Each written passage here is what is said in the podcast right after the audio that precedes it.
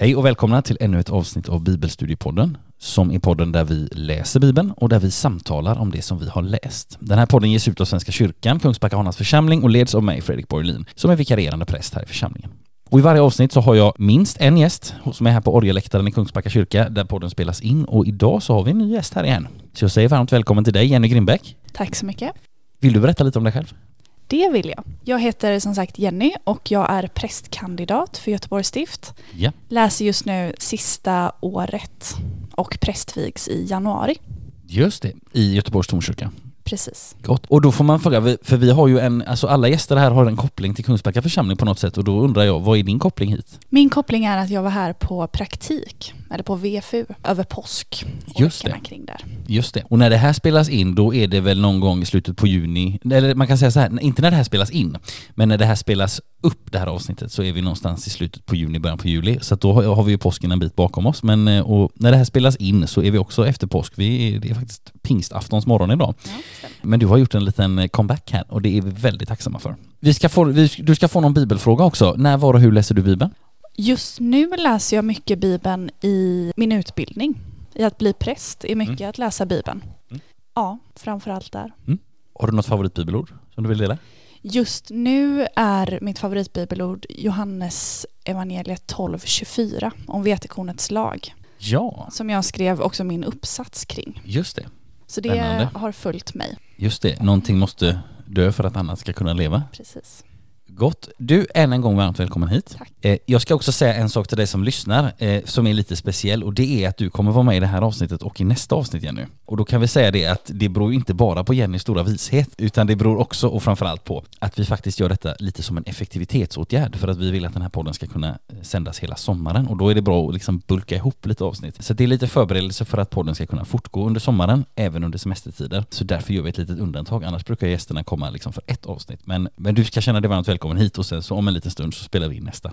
Eh, och då kommer jag välkomna dig tillbaka. Sen ska vi också säga så här, det kan vara lite roligt att, att känna till för er som lyssnar att vi har ju samtalat om de här bibeltexterna faktiskt också före dagens inspelning. Så det känns lite roligt att väcka lite gamla tankar till liv när du var med i bibelstudiegruppen här i församlingen under din eh, praktikperiod. Och också ett stort shout-out till dig för att du har gått upp ganska tidigt för att göra detta idag. Vi, klockan är 07.45 här när vi börjar spela in. Så att det känns väldigt roligt. Så får man veta lite bakom kulisserna också. När, när spelas den här podden in och hur går det till och så. Men nu, nog om det yttre. Nu ska vi gå in i det inre. Vi ska gå in i dagens kapitel och vi ska göra som så att vi bara inleder med en kort bön. Så att jag knäpper mina händer. Du som lyssnar är varmt välkommen att göra det tillsammans med mig. Låt oss be.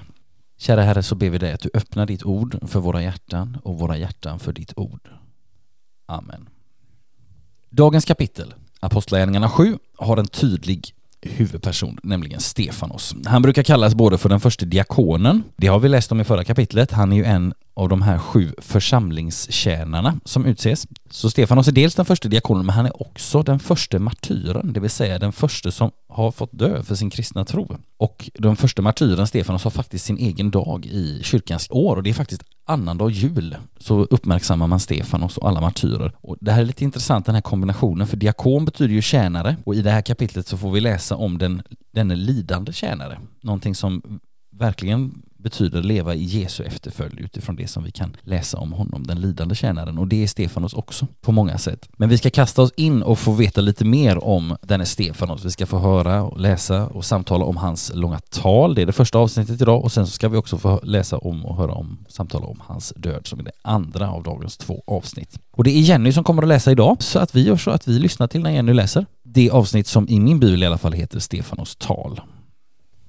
Översteprästen frågade, är detta sant? Stefanos svarade, bröder och fäder, lyssna på mig. Härlighetens Gud visar sig för vår fader Abraham som då bodde i Mesopotamien och ännu inte hade flyttat till Haran och sade till honom, lämna ditt land och din släkt och gå till det land som jag ska visa dig. Då lämnade Abraham Kaldén och bosatte sig i Haran. När hans far var död lät Gud honom flytta vidare till det land där ni nu bor. Han gav honom ingen mark, inte så mycket som en fotsbredd, men han lovade att han skulle få landet som sin egendom, han och hans ättlingar, fast han ändå, ännu inte hade några barn. Detta är vad Gud sa. Hans ättlingar ska bo som främlingar i ett land som inte är deras och vara slavar och förtryckas i 400 år. Men det folk vars slavar de blir ska jag döma, sa Gud, och därefter ska de dra ut ur landet och dyrka mig på denna plats. Och han upprättade med Abraham det förbund som har omskärelsen som tecken. Så blev Abraham far till Isak och omskar honom på åttonde dagen. Och Isak blev far till Jakob och Jakob till de tolv stamfäderna. Stamfäderna greps av avund mot Josef och sålde honom till Egypten. Men Gud var med honom och hjälpte honom ur alla svårigheter. Han gav honom vishet och lät honom komma i gunst hos farao, den egyptiske kungen, och denne satte honom att styra Egypten och sköta hans förvaltning. Emellertid drabbades hela Egypten och kanan av hungersnöd och svåra lidanden och våra fäder kunde inte skaffa sig mat. Men Jakob fick höra att det fanns brödsäd i Egypten och skickade dit våra fäder, först en gång och sen en gång till. Andra gången gav sig Josef till känna för sina bröder och farao fick reda på hans släkt. Josef sände då bud efter sin far Jakob och hela hans familj på 75 personer och Jakob drog ner till Egypten. När han och våra fäder hade dött fördes de till Shekem och lades i den grav som Abraham hade köpt av Hamors söner i Shekem mot betalning i silver. Tiden närmade sig då Guds löfte till Abraham skulle uppfyllas och israeliterna blev ett stort och talrikt folk i Egypten. Men då uppsteg en ny kung på Egyptens tron, en som ingenting visste om Josef. Han gick fram med list mot vårt folk, förtryckte våra fäder och tvingade dem att sätta ut de nyfödda så att de inte skulle överleva. Då föddes Mose, och han var ett sällsynt vackert barn. Under tre månader sköttes han i sin fars hus. Sedan sattes han ut, men faraos dotter tog upp honom och uppfostrade honom som sin egen son. Mose blev grundligt insatt i den egyptiska visdomen och uppträdde med kraft i både ord och handling. När han var 40 år föddes den tanken hos honom att han skulle besöka sina bröder, israeliterna. När han då fick se hur en av dem blev misshandlad skyndade han till hans hjälp och gav honom upprättelse genom att slå ihjäl Egypten. Han trodde att hans bröder skulle förstå att Gud ville rädda dem genom honom, men det gjorde de inte. Nästa dag kom han dit just som ett par av dem hade råkat i gräl. Han försökte försona dem och sa Ni är ju bröder, varför gör ni varandra illa? Men den som hade angripit sin landsman stötte undan Mose och sa Vem har satt dig till ledare och domare över oss? Tänker du döda mig som du dödade Egypten igår? Vid de orden flydde Mose och han levde sedan som främling i Midjan där han blev far till två söner. När 40 år hade gått visade sig en ängel för honom i öknen vid berget Sinai i en brinnande törnbuske. Mose häpnade över synen och när han gick fram för att se efter vad det var hördes Herrens röst. Jag är dina fäders Gud, Abrahams, Isaks och Jakobs Gud. Då darrade Mose av skräck och vågade inte se efter. Men Herren sa till honom, ta av dig dina skor, ty platsen där du står är helig mark. Jag har sett hur mitt folk förtrycks i Egypten. Jag har hört deras suckar och jag har stigit ner för att befria dem. Kom, jag ska sända dig till Egypten. Denne Mose som de hade avvisat med orden Vem har satt dig till ledare och domare? Honom sände Gud att vara både ledare och befriare när han lät ängeln visa sig för honom i törnbusken. Det var Mose som ledde deras uttåg och som gjorde under och tecken i Egypten och i Röda havet och i öknen under 40 år. Det var Mose som sa till israeliterna En profet lik mig ska Gud låta stå upp ur era bröders led. Det var han som i folkförsamlingen i öknen förmedlade till våra fäder det som ängeln talade till honom på Sinai. Han tog emot levande ord för att ge dem vidare till oss. Men våra fäder ville inte lyda honom utan stötte honom ifrån sig. De önskade sig tillbaka till Egypten och sa till Aron Gör oss gudar som kan gå framför oss Ty vad som har hänt denna Mose som har fört oss ut ur Egypten, det vet vi inte. Under den här tiden gjorde de en kalv och bar fram offer åt avguden och höll fest i glädje över sina händers verk. Men Gud vände sig bort och lät dem dyrka den himmelske hären, som det står i profetboken. Varken slaktoffer eller andra offer frambar ni åt mig under de 40 åren i öknen som ni är Israels folk. Ni bar med er Moloks tält och guden Romfas stjärna, de bilder som ni har gjort för att tillbe. Därför ska jag fördriva er till landet bortom Babylon. I öknen hade våra fäder förbundstecknets tält, inrättat så som den som talade med Mose hade bestämt, nämligen efter den förebild Mose fick se. Och fäderna tog det i arv och förde det hit under Josua, när de tog landet i besittning efter det folk som Gud drev undan för våra fäder. Här stod det till Davids tid. Och David fann nåd inför Gud och bad att han skulle finna en boning åt Jakobs Gud. Men Salomo byggde ett hus åt honom. Den högste bor dock inte i något som är byggt av människohand, som profeten säger. Himlen är min tron, jorden är min fotpall. Vad för ett hus kan ni bygga åt mig, säger Herren. Var skulle min viloplats vara? Har inte mina händer gjort allt detta? Styvnackade är ni, oomskurna till hjärta och öron. Alltid gör ni motstånd mot den heliga anden, ni som era fäder. Finns det någon profet som era fäder inte har förföljt? De dödade dem som förutsade att den rättfärdiga skulle komma, och nu har ni förrått och mördat honom. Ni som fick lagen utfärdad åt er av änglar men inte har hållit den.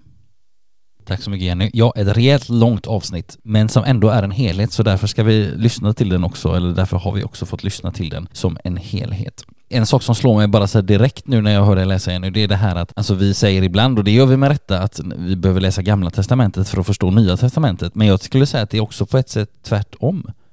Det vill säga, jag, fastnade lite i vers 25, det står så här, Mose säger så här, eller man säger så här om Mose, han trodde att hans bröder skulle förstå att Gud ville rädda dem genom honom, men det gjorde de inte. Och det är lite intressant för vid det tillfället när, när Mose försöker liksom mäkla fred, typ dagen efter, han har, har slagit ihjäl någon och så försöker han mäkla fred mellan två andra hebreer eh, och så visar det sig att de känner till detta. Då har han ju inte sett Gud i den brinnande busken än. Och jag tycker att det är lite så här, det här, här kan man säkert ana någon sån spår av någon, någon typ av utläggning liksom, någon typ av textutläggning. Jag tyckte jag fastnade lite för det bara, men ja, en liten detalj bara sådär. Nu vill jag fråga dig nu, vad tänker du på när du hör de här orden? Jag tänker att det är ett väldigt spännande tal. Stefanos har en spännande retorik i när han lägger ut hela den judiska historien för dessa människor. Mm. Eh, bland annat överstepräster som har, de har ju god koll på det här. Det får man tänka sig, ja. absolut. Mycket god koll. Och ändå så gör han det och han låter det ta så stor plats. Och att det egentligen är först de sista verserna där det kommer en rätt skarp anklagelse. Mm. Och jag tänker så här, för vi har, vi har pratat om det innan när man, eh, alltså när vi tittar på talen i, alltså vi, vi, kan tänka på Petrus många tal i de första kapitlerna och så det här talet här och sen så kan vi tänka på kommande tal som Paulus ska hålla. Alltså man kan, man kan använda ett litet, eh, man kan leta efter tre ingredienser i eh, talen i apostlagärningarna. För, mång, för många av talen innehåller de här tre ingredienserna, det har vi varit inne på innan, alltså det här med för det första vad Gud har gjort i historien med sitt folk, för det andra vad Gud har gjort så att säga nyligen genom Jesus Kristus och för det tredje vad Gud nu inbjuder människor till att vända om till så att säga. Och det har vi hittat i de tidigare talen om jag minns rätt, men här tycker jag inte att vi hittar så mycket mer än det första. Här är det väldigt mycket vad har Gud gjort i historien, men vi får inte så mycket, jag vet inte om Jesus namn ens nämns här. Nej, det gör det inte. Och det finns, sen kan man ju säga så att det finns en inbjudan i betydelsen styvnackade är ni till exempel oomskurna till hjärta och ande. Alltså att det finns en, liksom en anklagelse som på, jag tänker på något sätt Stefanos vill ska framkalla en att det ska framkalla en reaktion hos dem. Mm. Så att säga. Men det finns egentligen ingen, alltså här talar han om vad de ska omvända sig från på något sätt, men han talar inte om vad man ska omvända sig till. Och då blir det ingen, så att säga, då blir det ingen hel omvändelse om vi inte både vet vad vi ska omvända oss om ifrån och vad vi ska vända om till. Det som man skulle kunna tänka sig det är ju att det finns ju en rätt stark koppling mellan Moses och Jesus. Mm, absolut, det kan man gärna tänka på. Och ifall Stefanos tänker att åhörarna förstår den kopplingen. Just det. Ifall han förutsätter det. Man, ja, det, det, skulle man kunna tänka sig och, och, jag tänker också att Stefanos talar om detta i, ska vi se här, Um, Vers 35 och 38. Exakt, tack. Precis, alltså det här, det här att denne Mose som du hade avvisat med orden Vem har satt dig? och så vidare och så vidare. Och sen i vers 37 då, en profet lik mig skall Gud låta uppstå ur era bröders led. Det är väl femte Mosebok 18 eller 23 eller något sånt där. Alltså, där finns ju en hint till Jesus så att säga. Sen kan man fundera på mer vilka liksom teman eller sådär man kan hitta i, i den här texten. Har du någon tanke där? Eller har du någonting som du upplever är liksom särskilt, träder fram särskilt tydligt? Jag tänker att Guds löfte finns som en röd tråd Japp. eh, och också Guds handling eller Guds handlande Mm. som är tydligt för Lukas, Mm. författaren. Mm. Jag tänk, ja, men verkligen. Och sen så jag tänker också så här när vi läser när vi, läser, när vi tittar nu på det här talet som vi kanske konstaterar har en väldigt, liksom, för att använda ett kanske felaktigt ord, men som har en väldigt slagsida åt den här första ingrediensen. Det vill säga, vad har Gud gjort i historien? För det är ju verkligen till 99% eller 95, men i alla fall 90, det, det är det vi får här. Och då kan man fundera på, eftersom Stefanos ändå vill någonting med sitt tal, alltså ehm, vi har läst om honom innan han var fylld, fylld av ande och vishet. Jag tänker att vi får utgå ifrån att han ändå vill nå de han talar till med evangelium. Det vore konstigt om han bara, nej men det vill jag inte. Utan det, det, det rimliga är att tänka sig att Stefanos vill nå de här personerna med evangelium. Ändå talar han nästan uteslutande om vad Gud har gjort i historien. Och det är ju inte på något sätt irrelevant, verkligen inte. Men man kan fundera på då var, varför lägger han en sån stor tyngd vid detta? Alltså han, det är väldigt, talet på ett sätt väldigt väldisponerat. Jag vet att i några tidigare tal så har det varit så här, det har hoppat lite fram och tillbaka. Om man tänker på gamla testamentet som en tidslinje, att det kan ha varit väldigt många, väldigt snabba nedslag i olika saker. Och här tycker jag finns det liksom tydliga sjok. Alltså vi får följa Abraham i början och sen så blir det ett parti om Josef och sen blir det ett rejält parti om Mose. Så att det liksom han, på det sättet är han ju pedagogisk tänker jag, eller att han liksom stannar vid de största namnen eller vad man ska säga. Sen, sen så tänker jag någonting som jag funderar på om det kan vara en, en röd tråd här, det är ju att slutorden Alltså styvnackade är ni om vi tänker på de där orden i vers 51, oomskurna till hjärta och öron. Eh, alltid gör ni motstånd. Alltså det, där är, upplever jag lite talets poäng så tillvida att ni fattar ju inte vad som händer. Alltså ni fattar ju inte att den här Jesus, det är ju Guds son. Liksom. Och det på något sätt, den bilden målar Stefanos också genom att också påpeka att Alltså på andra ställen i talet så påpekar han, och det är många andra som inte heller har fattat vad som har hänt i historien. Liksom. Och jag tänker att det finns ju både en anklagelse där, att ni är inte bättre än de, era förfäder, men det finns också på ett sätt kan jag tänka när man pekar på vad någon annan har gjort så kan det också vara lite förlåtande. Det vill säga, det är inte konstigt att ni inte fattar vad som har hänt, för det är många som inte har gjort det i historien. Alltså jag, jag tänker på dels det här som vi, skulle vi kunna ta som exempel det här som jag bara plockade upp innan i vers 25. Mose trodde att hans bröder skulle förstå att Gud ville rädda dem genom honom, men det gjorde de inte. Alltså det är, också, det är ju egentligen samma sak som de här som står och lyssnar idag till det, eller liksom när Stefanos håller talet. Dels det. Sen är det ju också en röd tråd och jag tänker att det hänger ihop. Det är en röd tråd också det här att, alltså att, att folket också i omgångar har dyrkat andra gudar. Alltså det är också en sån sak att de har liksom inte förstått Guds ingripande, eller de har inte litat på det, eller de har inte brytt sig, alltså på något sätt sådär va. Så vi kan tänka på några, jag tänker så här, det står i vers 42, så här, Gud vände sig bort och lät dem dyrka den himmelska hären. Alltså, här pratar man om olika gudomligheter med anknytning till stjärnorna, alltså dyrkan av himlakroppar. Det var utbrett i Orienten, det förekom också i Israel, men trots att den var förbjuden där och det, och sen nämns ju guldkalven till exempel. Och det här är ju Gamla Testamentet ganska tydligt med att det ska man inte göra. Vi kan läsa i femte Mosebok 4, så här när du lyfter blicken mot himlen och ser solen, månen och stjärnorna, hela den himmelska herren, får du inte låta dig förledas att tillbe dem och tjäna dem. De har Herren din Gud tilldelat alla folk under himlen. Och vi kan också på många ställen i Gamla Testamentet läsa om det här att ja, nu kom den kungen och han var dålig. För att han eh, byggde massa sådana här altaren och, och, gjorde det. Och sen kom den här kungen och han var bra för han rev ner alla de altaren. Alltså vi kan läsa i Andra Kungaboken till exempel, för att ta ett exempel bara. Vi kan läsa om, först så kommer kung Manasse i kapitel 21.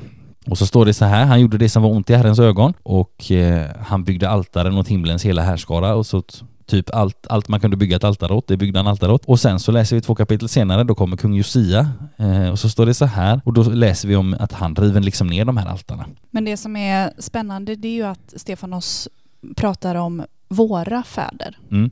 Han sätter ju också in sig själv i den Absolut, historien. Så ja. det, är inte, det är ju inte en historiebeskrivning och Guds handlande om de andra, ni andra, Nej, det. utan det är vi. Ja, det är det. Så därför så kan man ju tänka att den här anklagelsen skulle kunna ses som en inbjudan också. Alltså Ja. att vi har fått den här möjligheten att Ja. omvända oss. Ja. Jag har förstått, ni kan också förstå. Abs- jo men absolut. Vi hör till samma Mm. historia.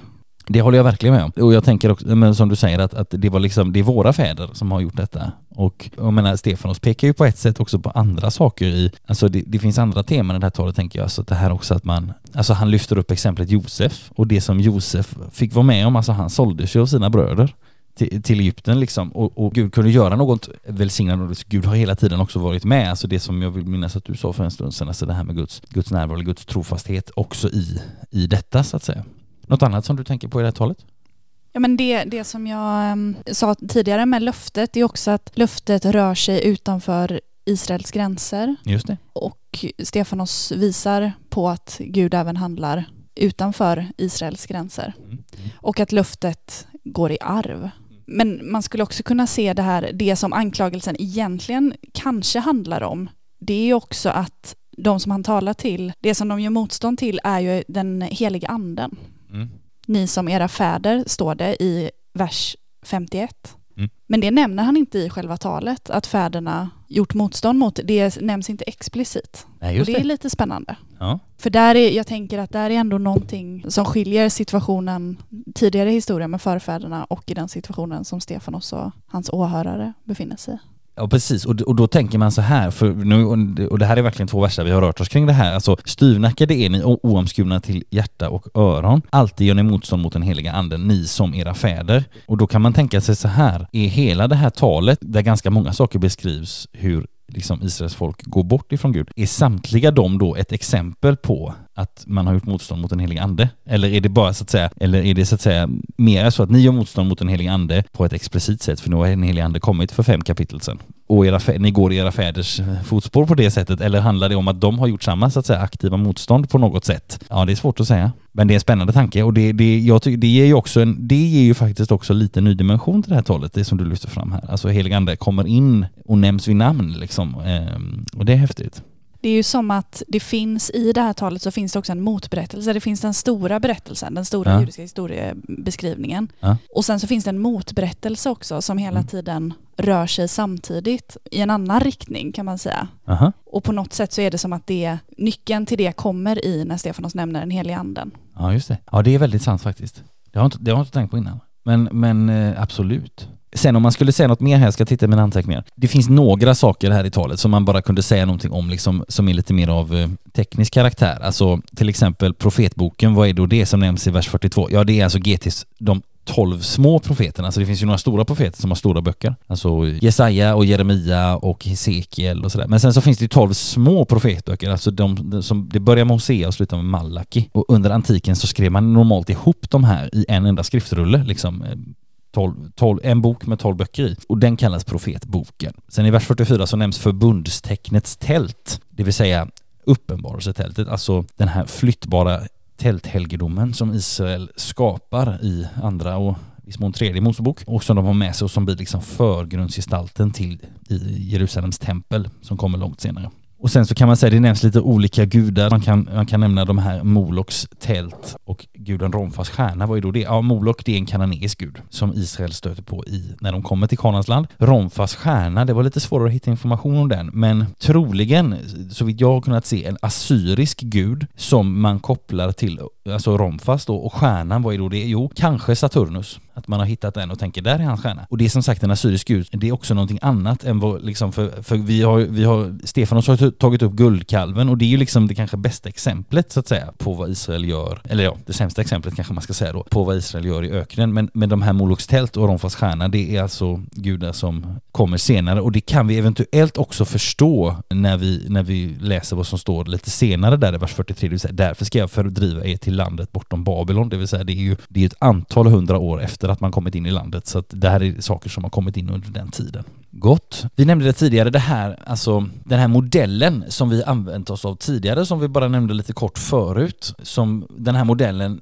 som vi kan använda när vi stöter på tal i apostlärningarna. Det här med att det handlar dels om vad Gud har gjort i historien med sitt folk, vad Gud nyligen har gjort genom Jesus Kristus och vad Gud nu genom sina vittnen inbjuder människor till. Och vi konstaterade där som sagt att den första ingrediensen, den finns det gott om. Den andra ingrediensen, alltså vad Gud nyligen har gjort genom Jesus Kristus, ja, det, det, är svårt att säga att vi kan hitta något tydligt exempel på det. Det är svårt att hitta en väldigt explicit exempel. Alltså vi, vi fick ju den här hänvisningen till, det var väl i vers 37 det här att Moses säger till israeliterna, en profet lik mig ska du låta stå upp ur era bröders led. Alltså det är en sån sak och möjligen kan vi säkert hitta någon mer liten beståndsdel. Men, men det, det talas ju ingenting om liksom han som har lidit och dött, vad jag kan se eller sådär va. Så här är Jesus väldigt frånvarande i det här talet. Man kan fundera på, nu ska vi inte drista oss till att säga allt för mycket, men man, man kan också fundera på om det har med, med utkomsten att göra. Alltså det vill säga, vi läser inte här att människor kommer till tro. Samtidigt som, det som vi får ett löfte i evangelierna om att när vi ställs inför domstolar, då ska Guds ande leda oss och vi vet att Stefanos är fylld av helig ande och vishet. Så att, men, men vi kan, så att, ja, det är svårt att få ihop alla bitar här, men, men jag tror vi kan konstatera att nej, men Jesus är ganska frånvarande i det här talet och, och exakt vad, vad det beror på eller vad, exakt vad det innebär, det är lite svårt att säga.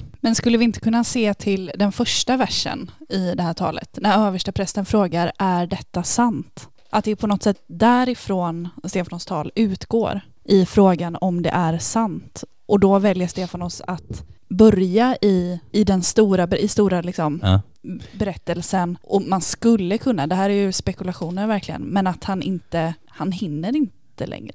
Nej, alltså jag tycker det låter som en utmärkt förklaring. Alltså dels, alltså, för man kan säga, vi konstaterade förut, översteprästen och andra som är med här, de har ju järnkoll på historien. Alltså de, de, det är ingen där som lyssnar till detta som säger "Ja, Abraham, vem är det? Liksom, utan alla vet mycket väl, minst lika bra som Stefanos, vilka de här personerna är. Men det är klart att översteprästen, alltså när, när tänker vi oss att det här utspelar sig? Vi är i kapitel 7 nu. Det här är alltså, det har inte gått särskilt lång tid. Alltså vi får tänka så här, vi, vi är i Apostlagärningarna 7 nu. Det här inspelar sig skulle jag säga, inom två år från Jesu döda uppståndelse. Så visst är det så att översteprästen och alla andra som är, de vet också mycket väl vem den här Jesus är och att han har fått massa efterföljare. Och de vet också vilka anspråk han gjorde.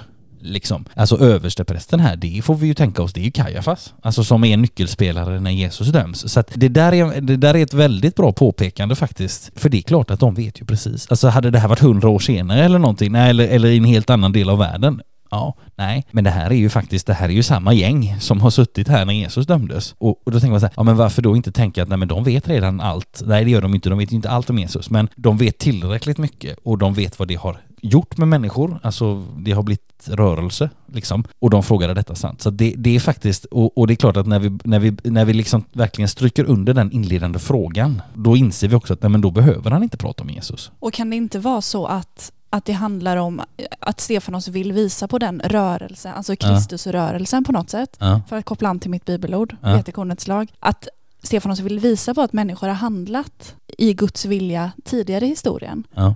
Och den rörelsen har funnits tidigare och den finns i översteprästernas historia. Ja. Att det är där någonstans han vill Mm. visa på Kristus i likheten med till exempel Mose. Ja, just det. Ja, men precis, och då tänker jag så här att därmed, om vi nu tänker på de här ingredienserna igen, alltså då behövs inte ingrediens två eftersom att det är liksom urfrågan. Och då kan man säga att då blir också, där får vi också förklaringen till var, varför liksom ingrediens tre inte är så synlig här, det vill säga vad inbjuder Gud nu människor till? För de här personerna, översteprästen och andra, de, de vet ju att nej men, folk ansluter sig till den här rörelsen och vet ungefär hur det går till eller sådär va. Så det här är inte på något, det här är inte ett, liksom ett för dem ett nytt budskap utan det är någonting som har funnits i deras miljö ett tag. Och då blir det viktigare att peka på historiens gud, det finns en kontinuitet liksom. Ja, mycket spännande. Ja, för Stefan han skulle nog hålla ett annat tal om han, som du sa tidigare, Mm. befann sig i ett annat land i en annan tid, Ja. långt efter eller så. Mm. Och det här talet är väldigt beroende av var och när och till vem det hålls. Mm. Som, som alla tal. Mm. Och sen så tänker jag på något som du sa innan Jenny, det här att han kanske inte hann längre. För att vi läser, vi kommer snart få höra nästa avsnitt om när Stefan och Stenas, vi ska snart höra Jenny läsa det, men, men då, då bör, i den allra första versen i det avsnittet så står det så här, när de hörde detta. Det vill säga, då får man ju tänka sig, ja allt det som Stefan har sagt, men framför allt det som han sa i, alltså i verserna innan, ni är oomskurna, ni är styvnackade. Och så läser vi, när de hörde detta blev de så ursinniga att de skar tänder. Alltså det vill säga, det, den versen talar också för det tänker jag, att nu har de liksom, nu är det too much för dem. De, de klarar inte av att höra mer, så att de går liksom till handling. Man kan också notera där i vers 51 som vi har pratat om, styvnackade och oomskurna. Det är ju väldigt gamla test, gammaltestamentliga anklagelser och Ja. ord han Mm. väljer att använda. Ja. ja men precis, man kan säga så här att han, han skymfar dem verkligen på, på deras egen hemmaarena. Mm. Det här att liksom, och jag menar, då kan man tänka sig att ja, oomskurna till hjärta och öron, alltså det, det, finns ju en, det finns ju ett bildspråk i gamla testamentet där man pratar om att ja men ni är förvisso omskurna på det vanliga sättet som, som liksom Gud har, har liksom anbefallt folket som första Mosebok 17. Men ni är oomskurna till hjärtat, alltså ni har inte den här liksom, ni har inte den relationen, eller ni har liksom inte hjärtat vänt till Gud så att säga. Och, och det vet vi på många ställen i Gamla Testamentet att, att Gud kan uttrycka sig på, på liknande sätt så att säga. Och nu kommer Stefanos med den här anklagelsen och det är klart att det är inte kanske något man tycker är gott att höra på det sättet. Ska vi göra så att vi går vidare? Det gör vi. Yes, då ska vi få lyssna till när Jenny läser det, det sista korta avsnittet som i min bibel heter Stefanos stenas. När de hörde detta blev de så ursinniga på Stefanos att de skar tänder. Men fylld av helig ande riktade han blicken mot himlen och såg Guds härlighet och Jesus som stod på Guds högra sida. Och han sa, jag ser himlen öppen och Människosonen står på Guds högra sida. Då ropade de högt och höll för öronen och alla störtade sig över honom på en gång och släpade honom ur staden för att stena honom. Vittnena lade sina mantlar framför fötterna på en ung man som hette Saul. Så stenade de Stefanos, som åkallade Herren och sa Herre Jesus, ta emot min ande. Han föll på knä och ropade högt. Herre, ställ dem inte till svars för denna synd. Med de orden dog han. Tack så mycket. Vad fastnar du för här i den här texten? Det är mycket som jag fastnar för i den här texten. Ja, Dels, det första är att Stefanos ser Jesus stå på Guds högra sida. just det. I kommentarslitteraturen som jag har läst lite som förberedelse inför det här så står det att det har nog ingen betydelse eller speciell anledning. Men Nej. jag fastnar ändå för det. Ja, det. Och jag ser framför mig att Jesus står i någon slags, ja, han är engagerad och Mm. ja, men när vi sitter ner så kan vi sitta lite bekvämt och så, men när Ja, vi just det. står upp då, då vill vi någonting. Ja. Eh, Så det, det fastnar jag för. Det kan jag förstå att du fastnar för. Alltså man kan, man kan, jag, jag tänker så här, alltså det här som Stefan säger, jag ser himlen öppen och människosonen står på Guds högra sida. Alltså det så kan vi tänka att det, det här är ett eko av någonting som Jesus själv har sagt. Han säger så här i, faktiskt i Johannes 1, så säger han så här, sannerligen, jag tror att han säger detta till några lärjungar, sannerligen jag säger er, ni ska få se himlen öppen och Guds änglar stiga upp och stiga ner över människosonen. Det säger han där. Så att det, det där finns en koppling liksom. Och sen så säger Jesus i Markus 14, vers 62, så står det så här. Jesus svarar översteprästen, samma överstepräst som hör Stefanos säga detta, intressant nog. Det är jag, säger Jesus, och ni ska få se människosonen sitta på maktens högra sida och komma bland himlens moln. Och där talas det om att sitta. Här ser Stefanos att människosonen står upp och jag tänker också att det betyder någonting. Alltså antingen så har det att göra med det här engagemanget eller tänker jag, det, det skulle kunna vara en, andra, en annan bild man kan använda sig av. Eller så har han ställt sig upp för att välkomna Stefanos. Just det. Det vill säga om man sitter lite lojt hemma vid sitt köksbord och så kommer det en gäst in så, så brukar man oftast ställa sig upp och säga hej välkommen. Eller alltså sådär, menar jag inte att Jesus sitter lite lojt vid köksbordet i himlen men, men du först, jag, jag tror att ni förstår vad jag menar. Det vill säga att han har rest sig för att välkomna Stefanos dit. Något annat som du fastnar för här? Nej, men sen handlar det också om eh, Stefanos alltså martyrium, att dels att han överlämnar sin ande, Mm. som Jesus också gör, Ja. och sen det här väldigt starka i att han säger Herre, ställ dem inte till svars för denna synd. Ja, just det. Det är otroligt att kunna göra det i det ögonblicket, Ja. att be den bönen. Och det är också, tänker jag, också ett eko av någonting som Jesus säger, det här Fader förlåt dem. Precis. För de vet inte vad de gör. Något annat som du fastnar för här? Ja, men det handlar ju om, man kan notera att folket håller för öronen, de vill inte höra, Mm.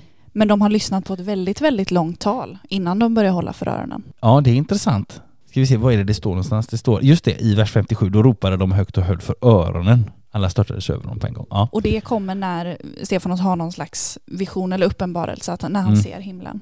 Då blir det för mycket eller för starkt. Eller... Mm. Och då kan man fundera på vad är, vad är det som, vad exakt är det som gör att de håller för öronen? Om det är något, om det är något ord här i eh, som är extra, ja det är, ja, alltså han ser Gud, jag ser himlen öppen och människosonen står på Guds högra sida. Ja det är klart att det är otroligt laddat i ett sammanhang som också talar om att liksom Gud finns i det allra, he- alltså Gud finns ju överallt, men Gud finns i det allra heligaste och, och låter sig inte skådas hur som helst liksom. Visst, man skulle också kunna säga just att det är ganska stor, stort fokus på Stefanos blick. Mm. Eh, han riktar blicken mot himlen och såg Guds härlighet och berättar om sin uppenbarelse. Mm. Men, och människorna håller för öronen, de vill inte höra. Alltså det är två olika sinnen här som, Mm. de håller inte för ögonen och blundar. Nej just det. Utan det är just orden och det är eh, vittnesbördet Mm. av att ha en uppenbarelse. Mm. Så de, de blundar inte för Gud, Nej. Men de håller för öronen. För, hans, För för, hans- Stefanos ord ja. Ja. Ja, det, det är väldigt intressant. Och sen kan man också, man kan som ett slutord bara säga, säga så här, att på ett sätt så, så kan man ju tänka sig att det här, alltså kanske speciellt de här, alltså när, när Stefanos säger jag ser himlen öppen, alltså där kanske evangeliet kommer på ett sätt. Så skulle man, jag vet inte om man kan tänka så, men alltså att jag ser himlen öppen. Människosonen som vi, som vi känner igen från gamla testamentet, Daniels bok bland annat. Alltså där någonstans så är det så att säga, det är både en förklaring av, för någon måste ju, någon av alla de här som lyssnar måste ju fråga sig, han måste, han måste ha tänkt så här, han tror väldigt mycket på detta.